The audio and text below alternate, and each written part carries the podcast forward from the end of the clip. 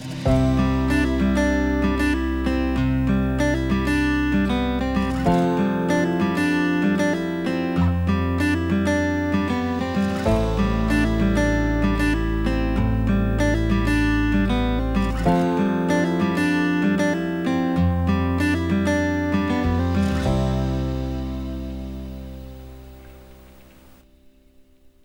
ini saya ingin mengulas perihal kesehatan mental di tempat kerja. Sebagai pembuka, saya ingin menyampaikan sebuah catatan penting. Not all pain is physical and not all wounds are visible. Jadi tidak semua sakit itu sifatnya fisik dan tidak semua luka-luka itu bisa dilihat mata. Kira-kira itu adalah catatan penting untuk kita ketahui terkait dengan kesehatan mental. Sakit mental tetaplah sebuah penyakit yang membutuhkan perawatan dan bantuan. Luka yang tidak terlihat atau luka yang bersifat batin juga tetaplah luka yang harus diperhatikan dan disembuhkan. Jadi, yuk, mari kita melek tentang kesehatan mental bersama-sama. Ada pertanyaan mendasar. Apa sih yang dimaksud dengan kondisi yang sehat secara mental di tempat kerja? Lalu, apa saja ciri-cirinya?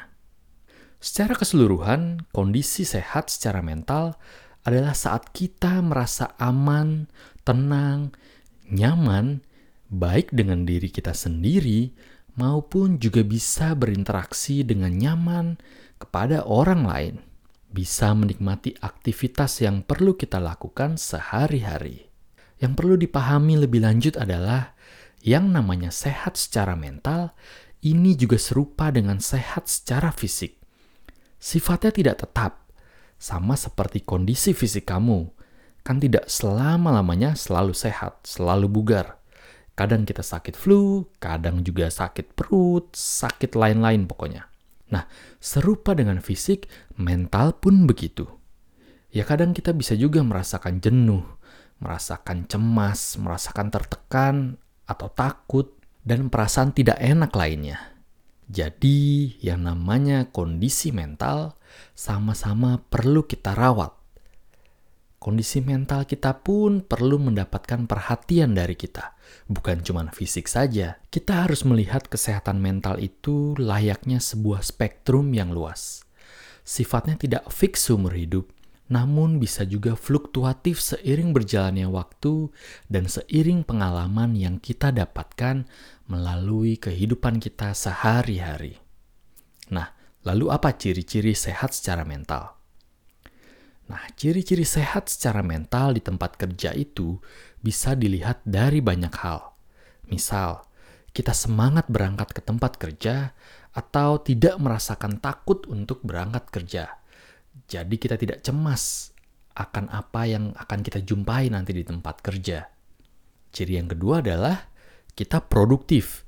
Dalam arti kita bisa menyelesaikan tugas dan tanggung jawab yang sudah sepatutnya kita lakukan sesuai dengan job desk yang ditentukan atau sesuai dengan peran kita di perusahaan tempat kita bekerja atau di mana pun kita berkarya. Ciri yang ketiga adalah kita merasa berkembang bukan cuma capek kerja aja yang dibawa setiap kali kita pulang kantor atau sehabis kita berkarya, tetapi ada perasaan puas akan perkembangan diri kita secara individu.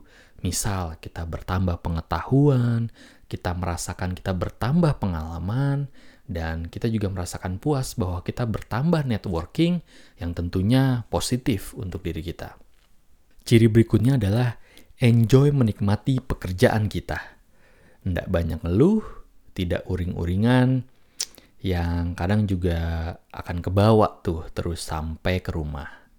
Lalu ciri berikutnya adalah bisa bekerja sama secara positif dengan rekan kerja, dengan atasan, untuk sobat bersinar yang sudah memiliki bawahan, bisa bekerja sama secara positif dengan bawahannya. Ciri berikutnya adalah mampu mengambil keputusan tanpa khawatir atau takut yang berlebihan. Tentu tidak selamanya bahwa kita bisa mengambil keputusan dengan cepat, dengan tenang, ada kalanya kita perlu mengambil keputusan saat diri kita mungkin merasakan takut atau merasakan cemas gitu. Namun sepanjang tidak berlebihan dan sepanjang kita tahu apa konsekuensi dari keputusan kita tersebut, maka tentunya itu bukanlah hal yang perlu dikhawatirkan. Ciri berikutnya adalah bisa menerima kekecewaan dan juga berdamai dengan diri sendiri. Lalu bisa beradaptasi dengan keadaan yang datang pada saat kita bekerja atau berkarya di mana pun kita berada. Nah, ciri yang terakhir ini yang menurut saya adalah mungkin agak lucu tapi ini bener banget. Ciri terakhir adalah ketika kita bisa mentertawakan diri kita sendiri atau kita bisa mentertawakan kondisi kita bersama dengan orang lain. Artinya dengan perasaan yang positif, kita bisa tertawa bersama dengan orang-orang atau dengan rekan kerja kita yang tentunya tertawa itu bisa mendatangkan mood yang positif juga untuk diri kita. Lalu pertanyaan berikutnya adalah mengapa sih pekerja atau karyawan atau siapa pun yang berkarya perlu untuk memperhatikan kondisi kesehatan mentalnya dalam menjalani pekerjaan atau profesi yang dimiliki. Untuk saya, saya selalu percaya bahwa bekerja itu tidak hanya soal menghasilkan uang, tapi bekerja juga bisa sebagai bentuk kita berkarya, belajar untuk berkembang menjadi pribadi yang bermanfaat, tidak hanya untuk diri sendiri, namun juga untuk orang lain. Nah, dalam hal ini bisa keluarga, pasangan kita, masyarakat, atau di lingkup yang lebih luas, syukur-syukur kita bisa memberikan sumbangsi kita untuk negara kita. Nah, untuk bisa berkembang dan berkarya baik, tentunya dibutuhkan juga modal yang baik. Sedangkan aset yang paling dekat dan semua orang miliki, mau dia sukses, mau dia belum sukses, nah, ya aset itu adalah dirinya sendiri. Makanya aset atau modal yang paling utama itu harus diperhatikan. Demikian juga kesehatan mental kita perlu kita rawat dan kita jaga agar bisa mendukung kita untuk bisa berkarya dengan baik lagi. Menjadikan hidup para pekerja lebih bersinar dan tentunya lebih produktif. Nah, para pekerja produktif ini kan juga aset dari masyarakat kita, masa depan bangsa kita. Nah, oleh karena itu, wajib hukumnya untuk sobat bersinar yang bekerja mulai menaruh perhatian akan kesehatan, baik fisik maupun juga mental kita. Karena keduanya pun saling terkait dan tidak terpisahkan. Apa yang dimaksud tidak terpisahkan di sini? Untuk menjadi pribadi yang sehat seutuhnya, kita harus sehat baik secara fisik maupun secara mental kita perlu memperhatikan kesehatan fisik kita agar dapat menopang kesehatan mental kita seperti makan makanan sehat untuk mendapatkan nutrisi yang baik untuk otak, lalu berolahraga untuk menjaga neurotransmitter di otak kita agar dapat berfungsi sebagaimana mestinya dan dapat menopang kesehatan mental kita. Nah, demikian juga ketika mental kita sehat, maka kita akan bisa beraktivitas fisik lebih bersemangat, lebih positif, dan pastinya lebih produktif. Lalu, hal apa saja sih yang menjadi faktor risiko yang perlu diperhatikan di tempat kerja bagi kesehatan mental kita? Yang pertama, faktor risikonya adalah individual differences ya. E, karena masing-masing individu berbeda. Bagaimana setiap individu merespon stres di tempat kerja, bagaimana e, ketahanan individu tersebut akan tantangan atau tekanan yang datang dalam dirinya itu juga berpengaruh terhadap uh, kondisi kesehatan mental dari orang tersebut. Yang kedua adalah faktor risikonya terkait dengan workload atau beban kerja. Nah, kadang kita juga sering dengar banyak sekali pekerja-pekerja yang harus sampai lembur, pulang tengah malam. Nah, beban kerja ini perlu mendapat perhatian karena jika Eh, bayangkan kalau kita mendapatkan beban kerja yang selalu berlebihan, kita kadang bekerja uh, lebih dari 40 jam setiap minggunya, tentunya ini bisa menjadi beban yang berat yang bisa membebani tubuh dan pikiran kita dan ini menjadikan eh, tekanan tersendiri ya apabila kita tidak bisa memanage ini dengan baik tentunya ini bisa menjadi resiko yang berdampak juga untuk kesehatan mental kita. Lalu berikutnya faktor dari komunikasi. Komunikasi di tempat kerja ini kan ngaruhnya bisa ke mana-mana ya. Bisa ke hubungan atasan bawahan bisa ke hubungan rekan kerja dan hubungan ke mana pun yang melibatkan komunikasi di tempat kerja tentu memiliki faktor risiko karena biasanya kalau komunikasinya udah nggak lancar atau ada yang bermasalah dengan komunikasi itu bisa menjadi stresor tersendiri yang bisa mendatangkan kecemasan atau ketakutan tertentu bagi diri kita. Lalu faktor risiko berikutnya adalah organization culture atau kultur dari organisasi tersebut sendiri. Nah, apakah organisasi tempat kita bekerja itu adalah organisasi yang sifatnya terbuka atau cenderung tertutup? Nah, itu harus disesuaikan kembali dengan kecocokan values dari masing-masing individu. Nah, ini terkait dengan individual differences tadi ya.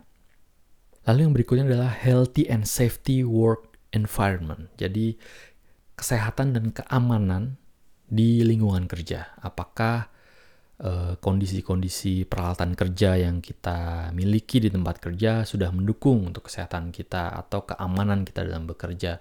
Ini khususnya untuk teman-teman yang berada di lingkungan kerja yang cukup ekstrim ya, eh, cukup berat atau membutuhkan konsentrasi tinggi seperti di pabrik dengan alat-alat berat. Nah, jika tidak ada keamanan atau tidak ada safety di situ, tentunya ini bisa berdampak juga untuk kondisi mental karena setiap saat kita bisa merasakan cemas ketika melakukan pekerjaan. Apakah pekerjaan yang saya lakukan ini uh, cukup cukup sehat atau cukup bisa mendatangkan keselamatan buat saya atau justru malah berisiko mendatangkan kecelakaan misalkan gitu.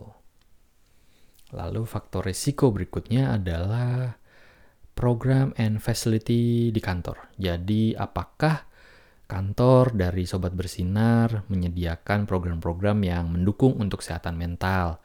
Uh, atau biasa disebutnya employee assistance program gitu. Apakah ada misalkan ada program konseling untuk teman-teman di lingkungan kantor atau apakah di teman-teman difasilitasi misalkan jika teman-teman merasakan perlu mendapatkan uh, bantuan dari profesional seperti psikolog atau konselor dan sebagainya apakah teman-teman bisa mengakses itu Nah, ini bisa juga menjadi faktor resiko seandainya uh, tempat kerja rekan-rekan tidak memiliki fasilitas tersebut.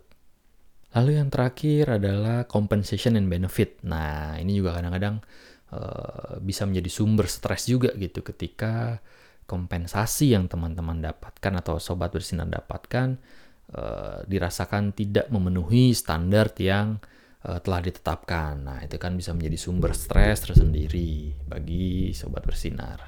Nah, lalu bagaimana cara atau bagaimana sih bisa meminimalisir faktor-faktor risiko tersebut? Nah, banyak macamnya.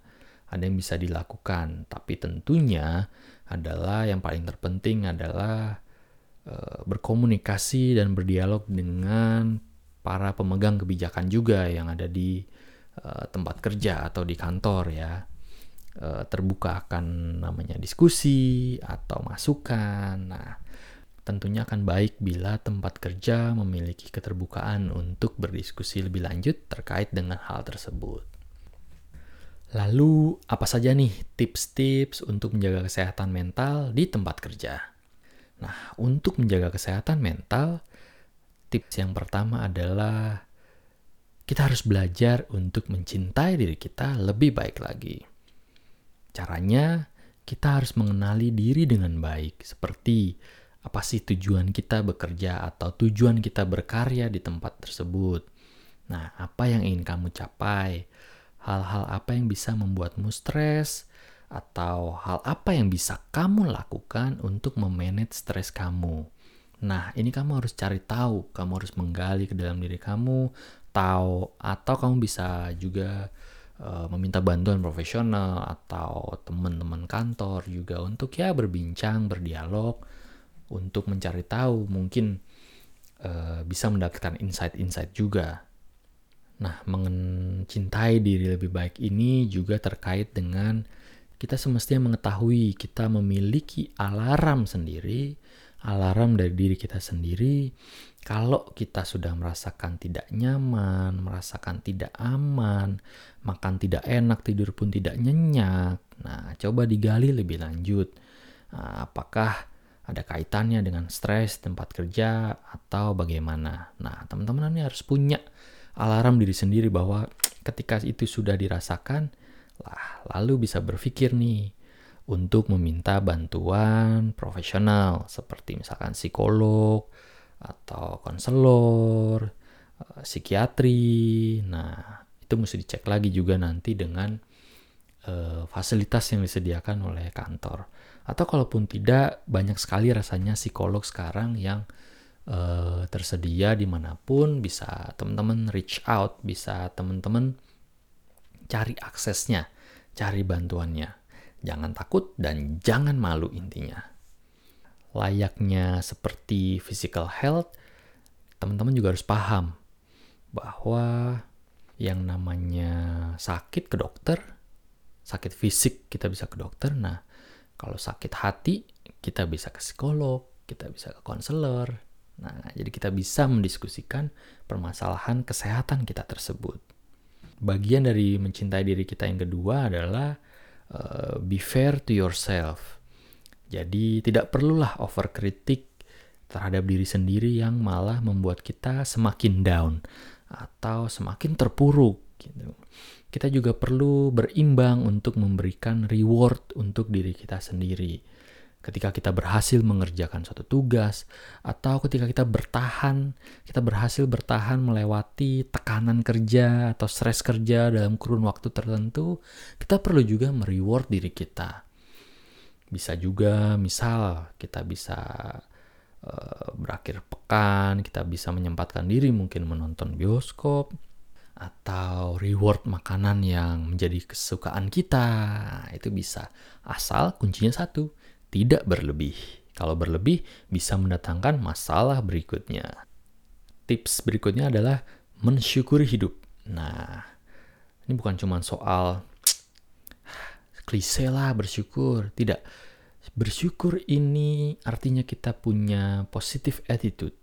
Bukan hanya saat kita senang aja, tapi pada saat sulit pun kita juga tetap harus punya positive mental attitude yang bisa membuat kita bertahan dalam menghadapi kesulitan.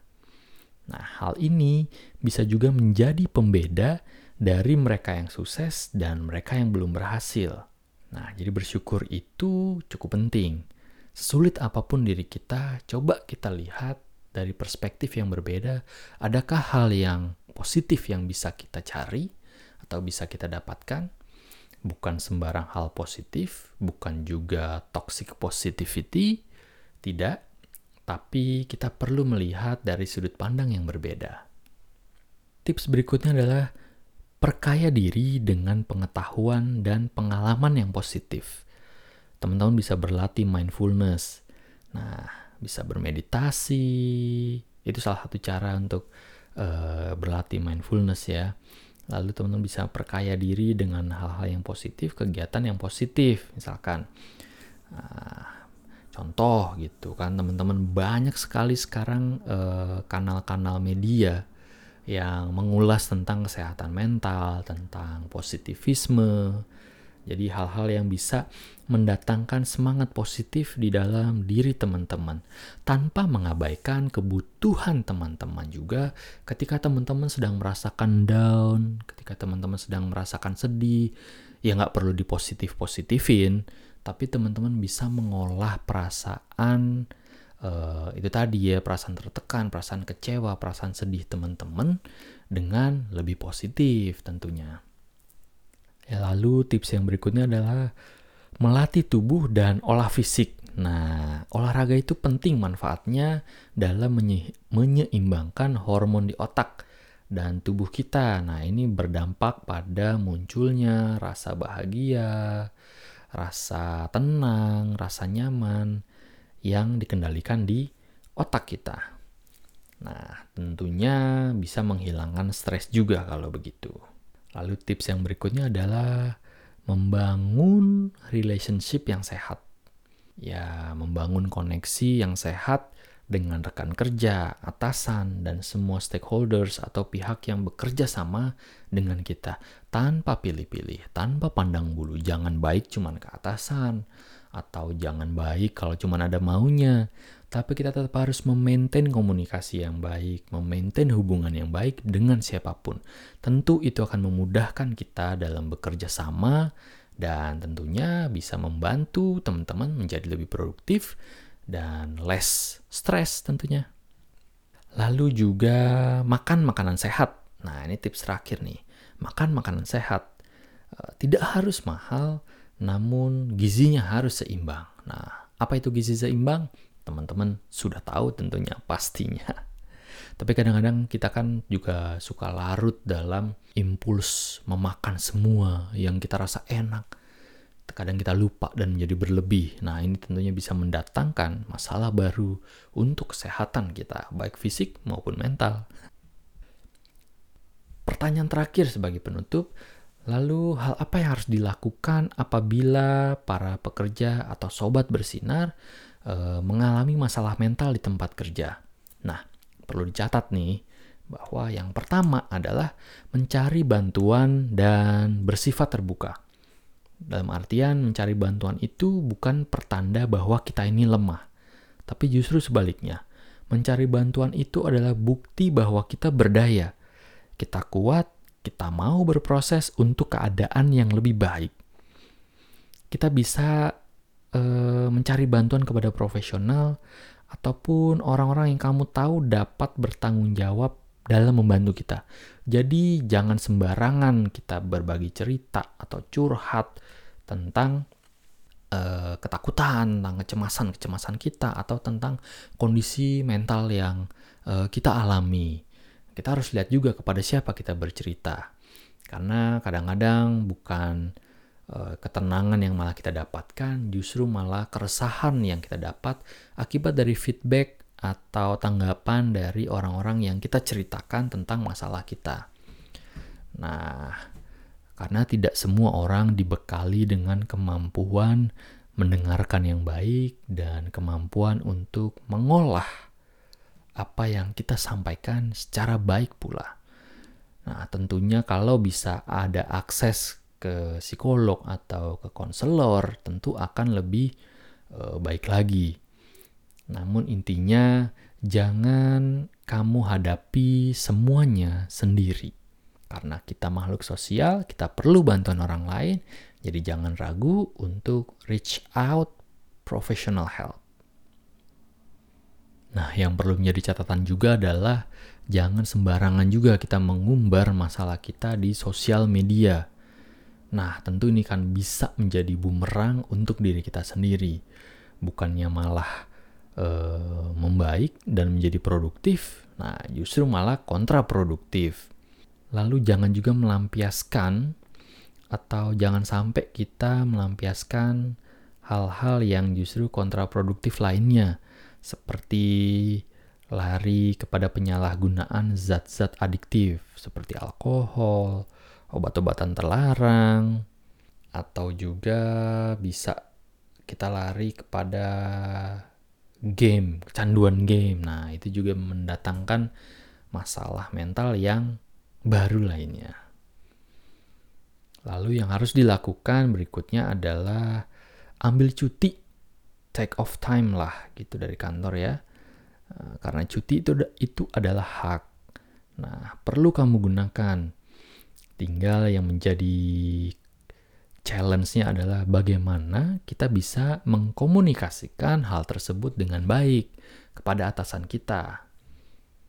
Jangan tiba-tiba mendadak cuti untuk alasan yang tidak urgent. Nah, baiknya juga hal tersebut perlu direncanakan. Kecuali memang benar-benar urgent ya.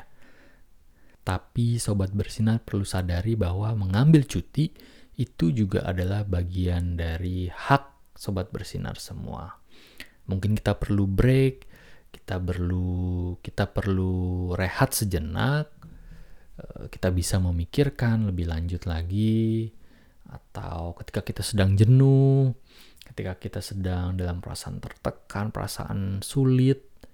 Nah, cuti ini bisa sangat membantu menenangkan pikiran kita sehingga kita bisa merencanakan kembali apa yang harus kita lakukan secara lebih jernih dan secara lebih tenang lagi.